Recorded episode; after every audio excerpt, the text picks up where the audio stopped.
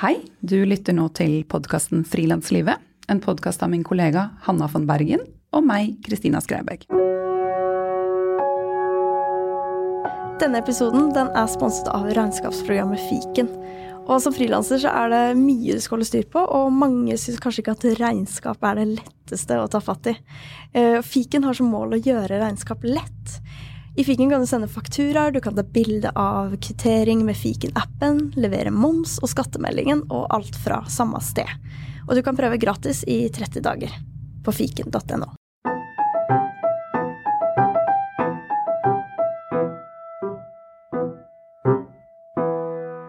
I dag har vi besøk av kunstner Jannik Abel. Jannik er 45 år gammel.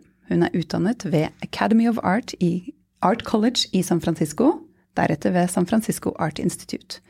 Jannik startet sin kunstnerkarriere som gatekunstner. Hun har jobbet med silketrykk i årevis. Hun jobber også med fotografi, men for tiden jobber hun aller mest med å skape kunstgjenstander og installasjoner av tre. Og dette er en ny retning i kunstnerskapet hennes. For ca. et år siden flyttet hun fra Oslo til Nesodden, hvor hun holder til ute i skogen. Der har Jannik et helt fantastisk utendørs atelier, hvor hun hører vinden suse og elven sildre. Men akkurat nå sitter hun her med meg på Spaces i Oslo. Jeg har dratt henne ut av skogen og inn i asfaltjungelen. Hei! Hei, Kristina. Veldig hyggelig å ha deg her, Jannik. Du, vi går eh, rett på, vi. Jeg har jo googlet og lest og ja. Det er, det er, veldig gøy å bli kjent med et nytt kunstnerskap eh, når, vi nå, når, vi intervjuer folk til podkasten. Og på din hjemmeside så leser jeg at I did not choose art. Art chose me. Mm. Eller på norsk Jeg valgte ikke kunsten, kunsten valgte meg. Kanskje vi kan begynne der? Vi begynner der. Jeg tror uh, at vi mennesker ofte tror at vi har veldig mange valg i livet. Men det er noen veier som velger deg. Um, jeg er da uh, tippoldebarnet til de som tok kunsten til Norge. De startet Norges første galleri, uh, og min far var da fjerde generasjon gallerist. Så jeg vokste opp på gulvet i et galleri. Uh, våre søndager var ikke liksom skitur, det var galleritur i museer i Europa. Så som på mange måter så var kunsten mitt hjem. Og eh, når jeg merket den skapertrangen, så eh, var det ikke kanskje med ærefrykt, som mange andre føler. Det var helt naturlig. Jeg skulle skape. Så utrolig fint. Ja. Kunsten valgte meg. Jeg har lest at du som 20-åring eh, skulle bli eh, fotballproff i USA. Da valgte kanskje fotballen deg en liten periode, eller? Ja, altså idrett var min lekeplass. Det var da jeg ikke var observatør, men deltaker. Jeg fikk lov å leke helt og syndebukk og ha lagkamerater og familie. Min mors side av slekten var fotballspillere, og min fars side var kunstnere, eller gallerister. Så da uh, spilte jeg fotball i ti år, og ble veldig god på det. Um, ja, jeg leste at du var ranket som en av USAs seks beste kvinnelige fotballspillere. Ja, det stemmer. Stemmer det? Det stemmer. Og da ga jeg meg. På topp. Eh, jeg husker jeg hadde driblet eh, langs sidelinjen, og så lagt inn foran mål. Eh, og så bommet lagvenninnen min på åpent mål. Og så tenkte jeg ja ja, jeg får bare gjøre det igjen, da. Og så når jeg gjorde nøyaktig det samme igjen, så tenkte jeg her er jeg ferdig. Og så la jeg opp. Og så gikk jeg rett inn i kunsten. Og da var du allerede i USA, eller? Da var jeg i USA og studerte kunst og spilte fotball på stipend. Mm. Du har jo jobbet med veldig mange forskjellige kunstuttrykk, og det syns jeg er så inspirerende. At du ikke binder deg til liksom, et uh, format, da, men er så fri. Hvordan har det vært? Liksom, er det på en måte uproblematisk å veksle, eller? I, i norsk um, kultur-kunstbransje så er det en tradisjon for å holde på uttrykket sitt. Så der bryter jeg veldig med det norske. Um, og jeg bryter med det bevisst. Uh, men ikke sånn at nå skal jeg bryte det, for det er, en brudd. det er et brudd. Det er, en, det er naturlig for meg. Jeg liker å være nybegynner. Uh, det er noe i nybegynnerfasen som er uh, utforskende fritt Eh, det er så mange muligheter. Eh, og så eh, jobbet jeg først med street art, som jeg kaller det, eller gatekunst på norsk. Og det hadde også på en måte sett sine dager. Det ble kommersielt fort. Det begynte som en sint rebell. Vi gikk rundt i gatene i San Francisco og lagde kunst uten at det het street art. Det hadde ikke noe navn. Vi bare lagde kunst der hvor folket var. Det må ha vært en veldig spennende tid å være i San Francisco? Veldig. Det var, det var livsgivende. Mm. Og så det, det, naturlig tok liksom sin slutt eh, med at, med at det ble kommersielt. Eh, og kommersialisert. Jeg klarer ikke å si ordet engang. Eh, så da begynte jeg å male. Og, det var veldig en fin reise med store malerier. Og så gikk jeg over i silketrykk, fordi jeg også ble allergisk mot oljemaling. Så det kom også litt sånn organisk. Um, silketrykk var jo også fotobasert, og min utdannelse var fotobasert, så det var veldig god match. Men jeg sto to år ute eh, i snødrevet og prøvde å finne eksponeringstiden på et hjemmemekka silketrykkstudio. så jeg og var nybegynner? Var nybegynner, og skulle finne ut av alt selv og klarte det til slutt. Men, eh, men jeg har en stahet, og hatt en stahet, tror jeg, på å klare alt selv. Uh, som ikke er helt uh, sunn. Uh, ikke har turt å be om hjelp, f.eks. Uh, nå er jeg et helt annet sted. og når jeg begynner med nye ting, så er det første jeg gjør, jeg kontakter kollegaer og sier 'hei, hva gjorde du?' som er utrolig mye mer befriende og sparer utrolig mye mer tid. Men på den tiden så så skulle jeg gjøre alt selv. Så disse skiftene i, i, medier har vært både organisk, men også nødvendig for den friheten jeg føler jeg trenger uh, i kunsten. Det er den største lekeplassen. Og jeg ønsker å være fri i den. Hvordan uh, har å Eller hvordan har du klart å gå fra å være en som skulle gjøre alt selv, til å tørre å spørre om hjelp? Det er gjennom en del sorgprosesser. Uh, I, i dødsfall og sykdom og sånne ting, så skjønte jeg at når min mor døde, for eksempel, så at um, sorg skal man ikke stå alene. Det skal deles. Um, så store livshendelser har lært meg å be om hjelp. Ja. Mm. Og så har jeg blitt bedt om hjelp mye. Folk har bedt meg om ting, og det føles jo veldig godt å gi. Så hvorfor kan man ikke gi det til andre? Og det å være nybegynner, altså mange eh, vil jo kanskje kjenne på det som eh, At det er tungt å stå i det å være nybegynner. Og tungt å starte på nytt og finne ut av disse tingene. Men har det vært tungt for deg også, eller? Nei, det er sånn lekenfase for meg. Nå leker jeg. Hvilken øks er best? Hvilken kniv funker her? Hvordan skal jeg dele dette trestykket? Hvordan skal jeg felle et tre? For meg er det bare lek. Og det, eh, jeg studerer zen, som er zen-buddhisme også, og det er den kjente beginner's mind. Å ha en sånn helt åpen forhold til ok, her har jeg tre, hvordan skal jeg kutte det? Helt åpent, ikke hvordan gjøre det rett, hvordan skal jeg og treet på en måte finne fram til den beste løsningen her? det er så deilig. Uh, og så undersøker jeg uh, med kollegaer. Jeg snakker med kollegaer. Det er veldig få i Norge som jobber med tre, så da sto jeg litt fast, faktisk. Og da ble Instagram en sånn veldig fin ting. Uh, fant de jeg respekterte der, uh, innenfor trefaget, og så sjekket jeg ok, hvilke verktøy bruker de, oi, hvordan gjør de det? Og det var, tok sånn ett og et halvt år med research, rett og slett. Det høres ut som en veldig spennende fase. Veldig. Men som også krever enorm eh, sånn tålmodighet og i, å klare å stå i det hvor hvor man er barn igjen, da, på en måte. Hvor man ikke vet alt. Mm. Det Og at ikke alt går så fort fremover. Ja. Jeg tror den toppidrettsutøverbakgrunnen min hjelper litt. At det man ikke er god på, det trener man på. Ja. ja.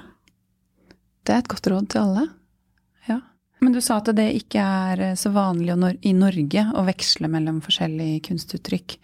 Er det vanligere eh, ute i verden?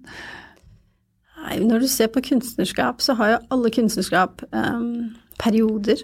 Eh, og i kunsthistorien så definerer de også som gode og dårlige perioder. Men uh, jeg studerte i USA. Da var det uh, en større sånn åpenhet for utforskning. Og det, vi har også måtte også ta klasser i andre medier enn det som hovedfaget ditt var, for å få perspektiv på ting. Det som er spennende med Det har kommet en studie med de som har vunnet eh, Nobelsprisen. Og det nesten alle har til felles, er at de gjør masse forskjellig. Og så blir de veldig gode på én ting. Så godt å høre. Jeg gjør også mye forskjellig og kan rive meg litt i håret av meg selv. Ikke sant? Noen ganger. Ja. Men det er noe med hjernen vår som trenger det. Fordi når man jobber med La oss si når jeg jobber med å holde foredrag, som er en av mine ting, så kan jeg stå på den scenen og snakke, og så kan jeg gå hjem, og så har jeg løst et problem i et kunstprosjekt som jeg har hatt. At det, det, er noe med at hjernen trenger en sånn pause fra den eh, der man står fast, og så kommer man tilbake til det gjennom en annen eh, rundkjøring. Det går, i, i ett. Og da er det jo litt fint at det, den pausen for deg på en måte er et annet prosjekt som du også brenner for fremfor å se på Netflix. Det er fint, det òg, men liksom at ja. det er det er bare andre prosjekter, eller ja. andre ja, måter du Ja, for de, de virkene har begge en skaperkraft. Uh, sitte og se på Netflix gjør jeg også, men det, det er en sånn pauseknapp. Total pause off. Kroppen må hvile, eksempel.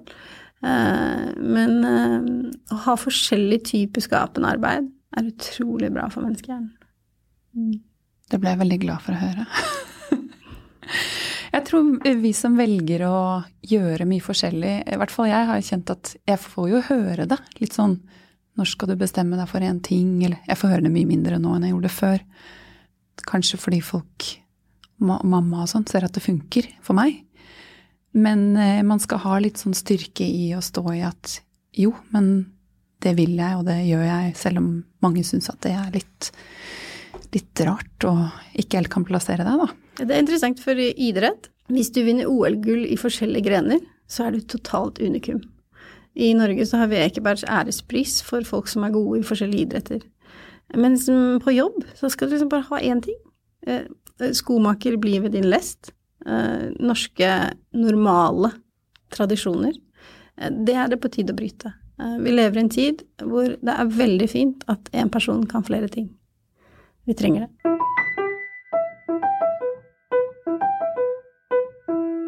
Jeg har jo hatt gleden av å intervjue deg en gang før. Og da dro jeg på besøk til deg på Nesodden, eh, hvor du bor og jobber midt ute i skogen, som jeg nevnte. Og du har både et innendørs og et utendørsatelier. Og jeg ble så berørt og inspirert av å komme dit. For der jobber du liksom nå med tre i naturen.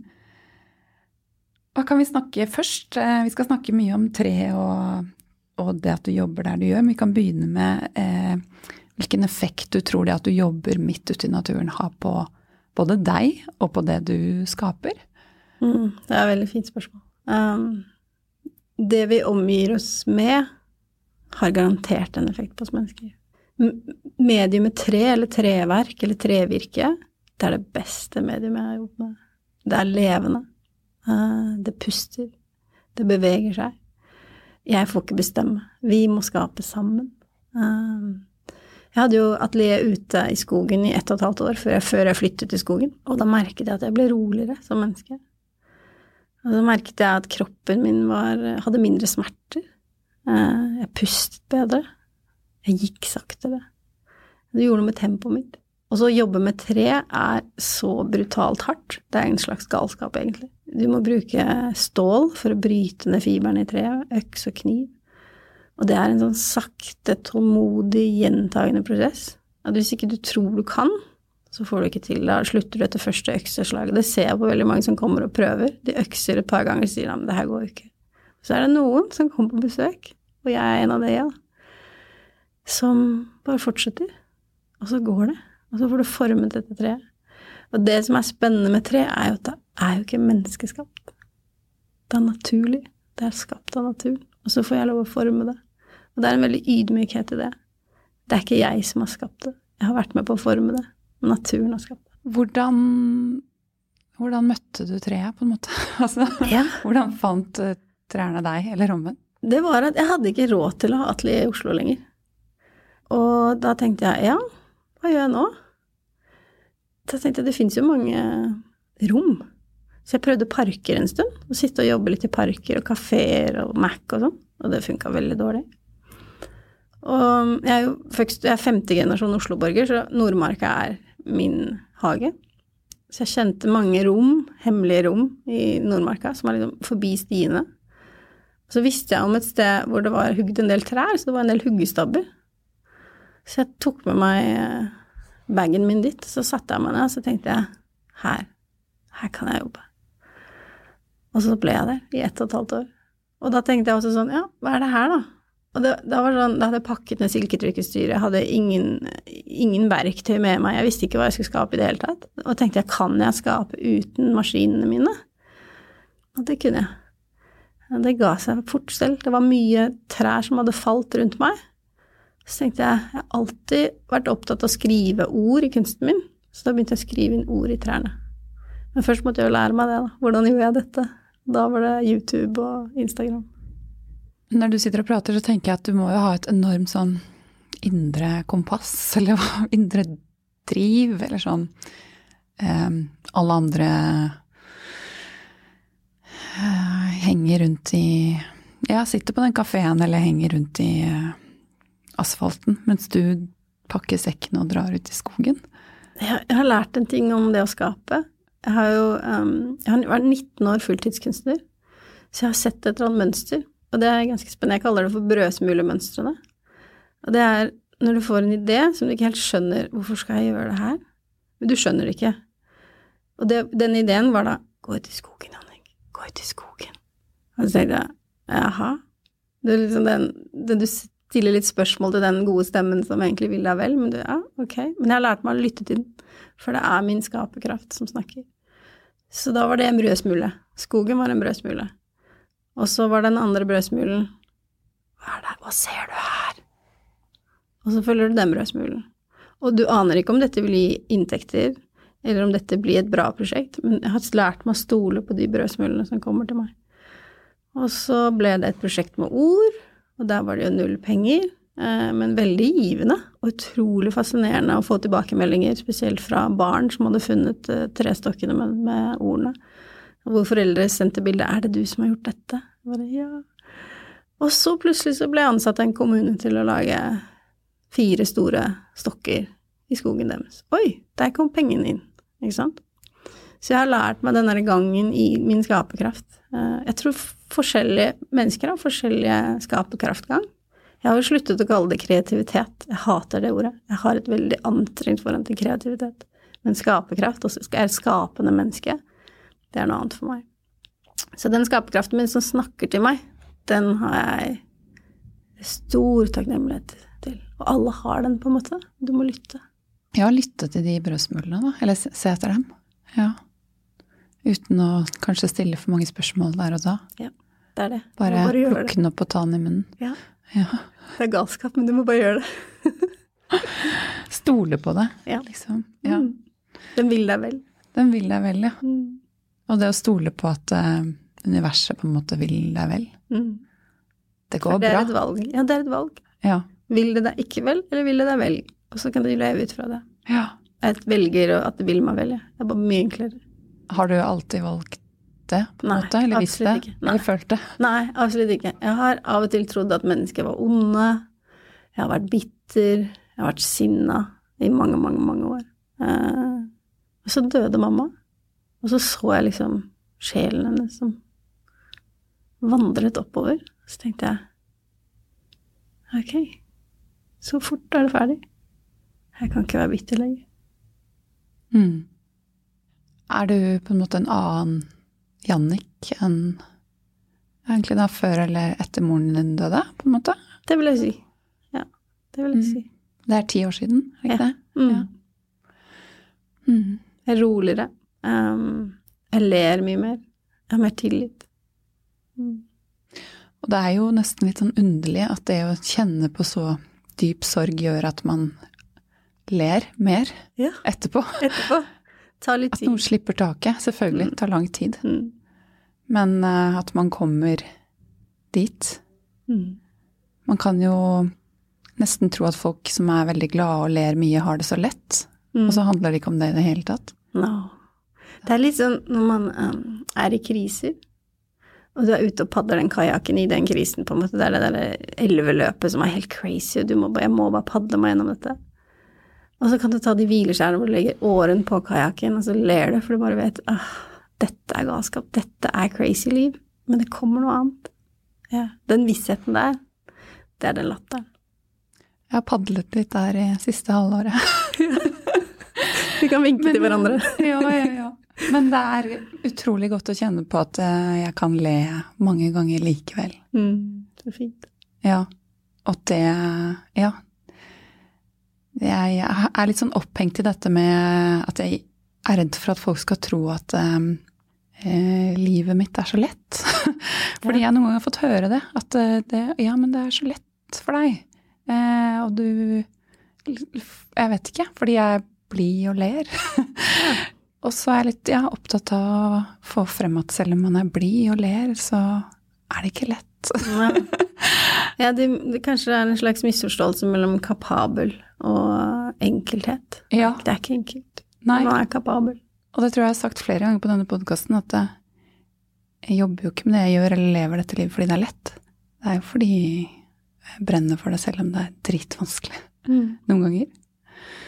Ja. Vi går tilbake til eh, trærne. Ja, kan ikke du snakke litt mer om måte, hva det handler om å velge å jobbe med tre? Eh, kunstnere i Vesten har vært svært privilegerte. Vi har kunnet uttrykke oss om personlige ting. Vi hatt ytringsfrihet, vi har demokrati. Um, men nå, nå har vi fire store kriser som står oss nær. Vi har metoo, vi har høyrepopulisme, vi har miljøkrisen, vi har flyktningkrisen. Jeg tror at hvis du ikke sier noe som helst om noen av disse krisene, um, så har du bommet litt. Lite grann. Jeg um, har lagd film om flyktningkrisen uh, før det egentlig ble en realitet i Norge. Men det er uh, Jeg tror at klimakrisen er en menneskelig krise. Jeg tror ikke det er en klimakrise for naturen. Den klarer seg selv helt fint. Bare vi slutter å plage den. Og i mitt kunstnerskap så ble det sånn veldig tydelig at det medium jeg velger, det mediet jeg velger, det skal være godt for meg og naturen. Jeg ønsket ikke å forurense. Jeg ønsket ikke å skape en ting lenger. Og da var jo tre veldig naturlig. Å skape noe fra ting som allerede finnes. Og det er en sånn enorm tilgang på trær som har falt av seg selv, eller av vind, eller vinter. Så det er også en sånn regel jeg skaffer meg selv, at jeg feller ikke trær. Jeg, jeg, jeg tar de som er felt av andre, eller de som har falt. Det er utrolig fint. Ja, det er noe vakkert i det. Plukke det opp. Um, og så um, er det svært givende, da, å liksom prøve å finne løsninger på hvordan drive et studio uten søppel. Hvordan ikke forurense. Um, jeg måtte jo slutte med silketrykk også fordi ja, men det er jo forurensning. For jeg har et eget vannkretsløp i, i skogen. Eh, Et privat kretsløp. Og der kan man ikke dumpe kjemikalier. Naturlig nok. Det kan man helt sikkert ikke i Oslo heller. eh, Men bare ingen som sa det. Så da fikk jeg til, ja, hvis du ville ha en regning hver og, og, en gang i året for å rense dette anlegget, så kan du jo fortsette å dumpe kjemikalier, men jeg ville ikke anbefale det. Og så tenkte jeg, å ja, det er jo selvfølgelig Det går jo ikke. Det var helt sånn der konkret. Dette går ikke. Og det tenker jeg vi mennesker har så godt av. Å se at det jeg gjør, det er eh, så tett koblet på naturen og mm. en selv. Ja. Men vi er så frakoblete. Vi er det. Jeg gikk tur nede ved Ja, hva heter det der nå, da? Dronning Efemrius gate, nedi der. Eh, Downtown Adlow. Og det var sånne arkitektur som jeg ikke klarte å føle at jeg var et menneske i. Eh, Skogen har den effekten at den minner meg på hvem jeg er. Essensielt, da. At jeg er ikke så veldig Jeg er ikke annerledes enn alt det som er levende. Og det er en ekstrem klisjé, bla, bla, bla, og hjernen attakkerer disse tankene som sammenligner oss med andre, men vi mennesker, vi setter oss selv så i fokus at vi er bedre enn, og at vi står i sentrum av, men vi gjør ikke det. Det er bare det er en illusjon. Når, du står, når jeg står i skogen, og det er helt stille, disse lommene av stillhet i skogen, og disse trærne som har stått på samme sted hele livet, som jeg får lov til å forme, ja, da husker jeg hvem jeg er. Kan ikke du fortelle litt om noen av verkene dine? Fordi du har laget noe som heter Gjenforenere. Mm. Du har laget eh, noen trebåter, 25 stykker. Og du har laget hjem for foreldreløse kongler. Du har laget veldig mye mer enn det. Men kanskje du kan, eh, apropos de krisene vi står overfor, fortelle litt om dem, de tre? Ja. Um, gjenforenere, reconnectors på engelsk. Det begynte med en sånn brødsmule. Du skal lage rundinger av treet. Og jeg bare, gud, det er kjempevanskelig. Denne ideen her, den vil jeg ikke følge, og den, den plaget meg i flere uker. Rundinger, Jannik. Rundinger. Og liksom sånne slags sånn ovale former. Men bare Nå avbryter jeg deg litt, men hvordan dukker den brødsmulen opp eh, som forteller at du skal lage rundinger? Den kommer. Jeg lytter, og så kommer den. Den kommer helt av seg selv. Det er en del av min skaperkraft. Det har alltid vært sånn. Uh, ideene som bare kommer. Men jeg må sette meg i situasjonen hvor de kommer. Jeg må ut i skogen. Jeg må ha en øks. Jeg må samle inn trevirke. Eh, og så kommer den. Runde former, Jannicke. Runde former. Og jeg sitter og lager runde former. Jeg hadde lagd sånn 25 runde former, så tenkte jeg dette er vanskelig. Hva fører dette til? Og så la jeg det bort. Og så tok jeg en av de, og så drev jeg holdt den når jeg var hjemme i min egen stue. Fordi jeg savnet å holde i treet når jeg ikke var i skogen. Jeg merket at ok, det å holde i trevirket hadde en beroligende effekt på meg. Og så ville en god venn av meg ha en, og så ville hennes venn ha en. Og så tenkte jeg ok, her er det noe. Og så kom navnet Reconnectors. Eller da som min venn Victoria, som er poet, kaller for Gjenforenere. Fint navn, det òg. Ja, veldig. Uh, og det prosjektet har blitt å gjenforene 100 mennesker med 100 trær. Og de selger jeg på Instagram og på Norway Design akkurat nå.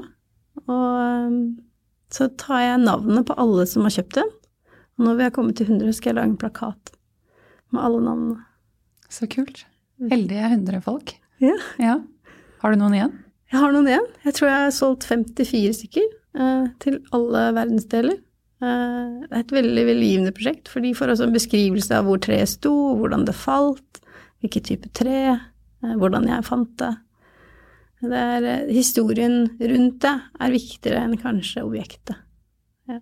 Og så blir det postet bilder av hvor de er i verden. Da. Jeg ber folk sende meg et bilde av den hvor den ligger på hylla, eller den holder den så det er, eh, det er det, prosjektet. Um, hjem for foreldreløse kongelige var også veldig fint. Jeg, jeg var i Tignatans uh, Zen-kloster i Frankrike, og så fant jeg en kongle som ikke hadde slått ut. Så det er en sånn smule. Oi, den var fin. Når man liksom er attrahert av noe, så er det en smule. Så den tok jeg, for den lå på bakken. Den turte jeg ta med meg hjem. Og så når jeg flyttet i skogen og fikk dette enorme atelieret, så var den så Den ble så alene. Så tenkte jeg at den trenger en sokkel. I kunsten skal vi jo sette alt på en sokkel. Eller en pidestall. Um, og så lagde jeg en sokkel, så tenkte jeg nei, det der ble helt feil. Så, så tenkte jeg ah, den trenger et hjem.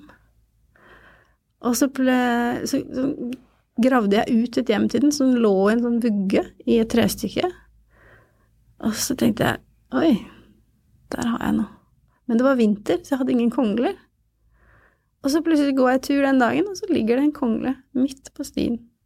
I liksom én kongle på snøen. Selvfølgelig. Selvfølgelig. Brødsmule. Samle kongler, lage hjem. Uh, ble også en Instagram-ting. Jeg har utforsket Jeg har jo vært i gallerier ja, i 18 år. Vist i utstillinger og museer verden rundt. Men da jeg flyttet til skogen, så ønsket jeg en sånn ny måte å få kontakt med de som kjøpte kunsten min. Og da har Instagram vært veldig fint for meg. Mm. Trebåtene um, Jeg um, Flyktningkrisen opptar meg veldig. Um, jeg mm, tilbrakte en del tid på uh, asylmottaket på Mysen, som er et asylmottak for, uh, for de som kommer alene som er barn. Veldig, veldig unge. Um, og da lagde jeg en film om dem. Og jeg spurte dem hva de ønsket å si til verden. Og det handlet mye om at de ønsket seg et hjem, og at de ønsket en framtid som var trygg. At de savnet mammaen sin. At de ønsket å høre musikk igjen. At det var vanskelig å flykte. Og så er det denne Det fakta, da, at vi i Europa har bestemt at uh, de får ikke fly, de skal ta båt. Uh, hva kan jeg gjøre med det? Og det er ikke alltid jeg som kunstner føler at jeg har sånn verken kraft eller makt til å forandre noe. Men helt sånn naturlig så begynte jeg bare å spikke båter. Um, og det er Ja, det er naivt, og det er um, kanskje litt passivt, men det er noe. Det var noe jeg kunne gjøre. Um, så jeg spikket uh, mange, mange båter. Um, så tenkte jeg at kanskje en dag så får du vite at det satt en norsk kunstner og spikket båter mens de var på båten. Så da Sånn ble det til.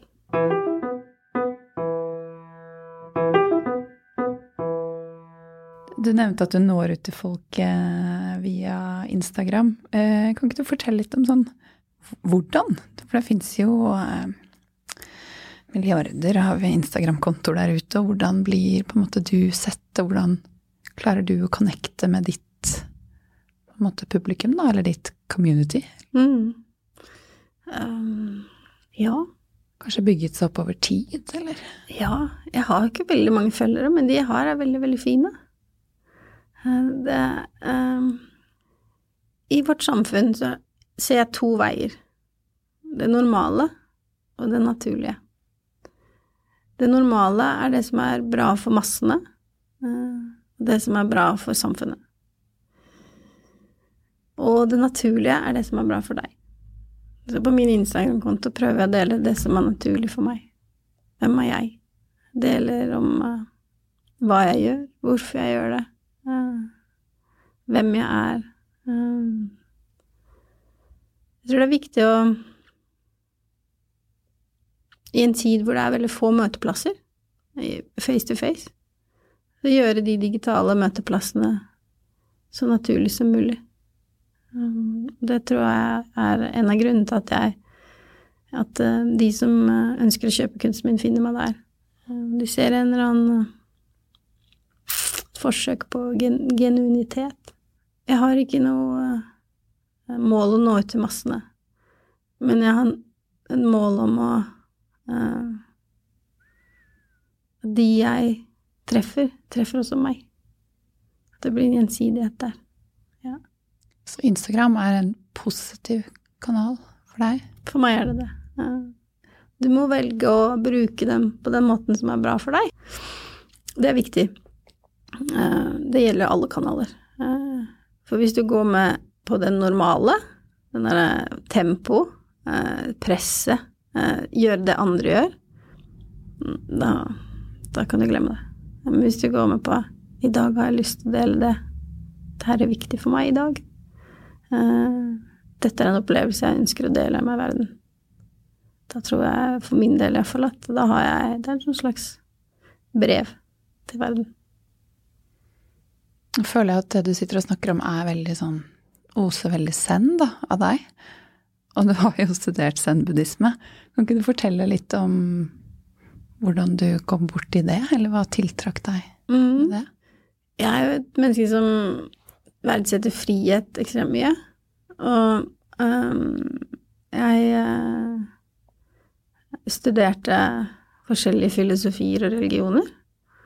Altså, første regelen i Zen er ikke følg reglene i Zen. Så tenkte jeg her, her kan jeg leke. Og, og Zen for meg er um, en, um,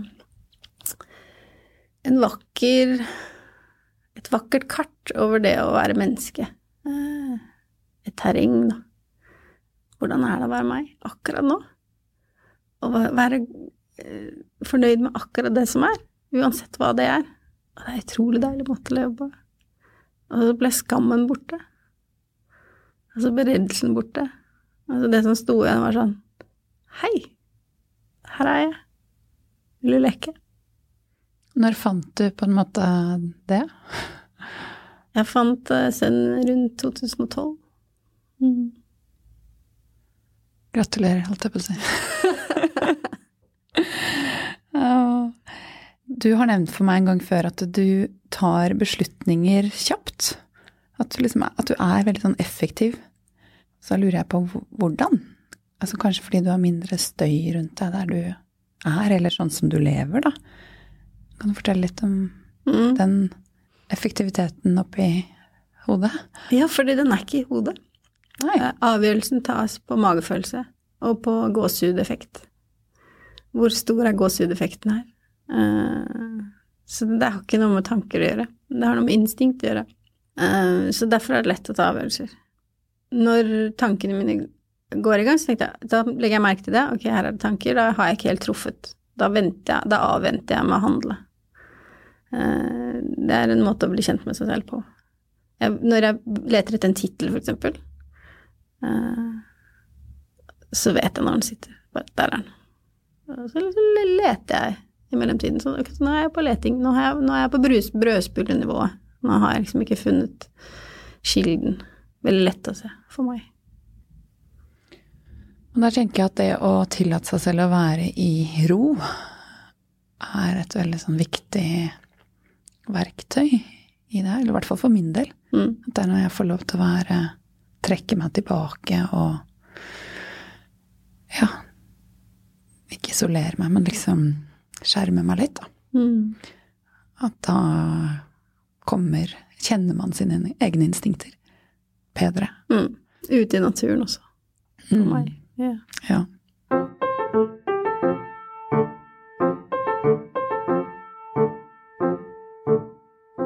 Hvordan definerer du det å oppnå suksess? Mm. Det tror jeg er et veldig viktig spørsmål, spesielt for frilansere. Hva er det vi jager etter, på en måte? Når har vi oppnådd suksess. Eh, som frilanser, som kunstner, så eh, oppnår jeg suksess når jeg har gitt 100% av det jeg har, til et prosjekt. Um, uten å gå ved egne grenser. For det gjør vi ofte. Og som menneske er det jo å ta ansvar for egen lykke. Jeg tror at man kan definere seg selv som voksen når du tar ansvar for egen lykke. Da er du i boks. Det, suksess i det normale i samfunnet, da har du penger. Og så I Norge så har du en bolig på en spesiell adresse eller et spesielt område. Og så har du en vakker kjæreste, så har du 1,6 barn, men nå er det kommet opp til to barn. Eh, så samfunnets eh, Og så har du nesten ingen problemer. Det er også viktig å få med seg i det normale. Uh, og du ler mye, og du er glad. Uh, og du ser bra ut, og du er tynn. Det er også viktig i Norge. Og du er egentlig ganske god på sport også, det er også viktig å få med seg. Så suksess i Norge har jo visse kriterier til det normale. Men hva er naturlig for deg? Det har jeg spurt, spurt meg selv. Hva er, hva er, naturlig, hva er suksess for meg?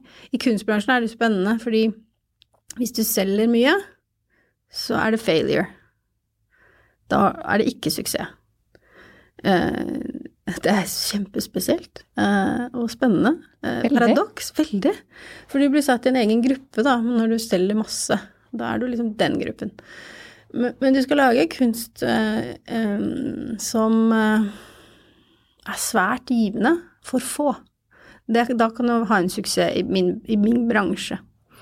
Eh, kjempespennende. Um, da, er du, da, har jo du masse suksess. Jeg har masse suksess på forskjellige I din bransje. Ja? De der gjenforenerne er jo veldig givende for få. For få, ikke sant. Ja. 100 muligens mennesker. Uh, sånn at um, tror, Men du veksler med for mange, med, for mange, mange uttrykk? Ja.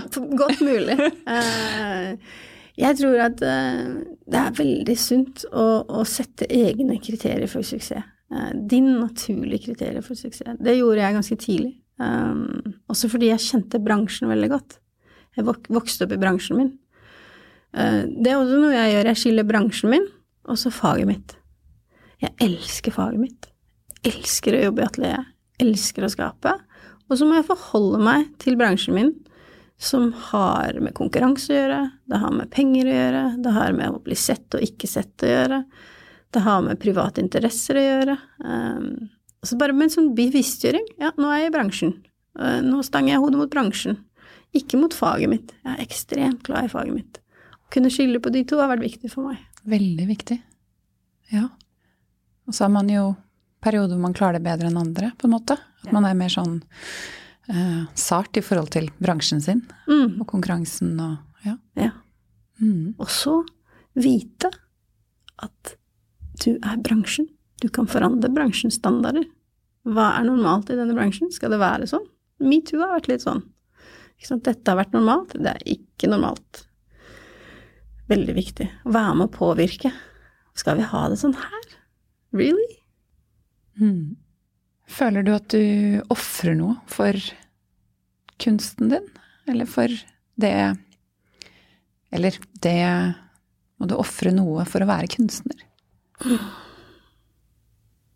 er et veldig godt spørsmål. Jeg har en kollega som heter Kari Steihaug, som sa at jeg vet ikke noe om det andre, så den kabalen kan jeg ikke si noe om. Det syns jeg var så vakkert. Um, men det er klart at uh,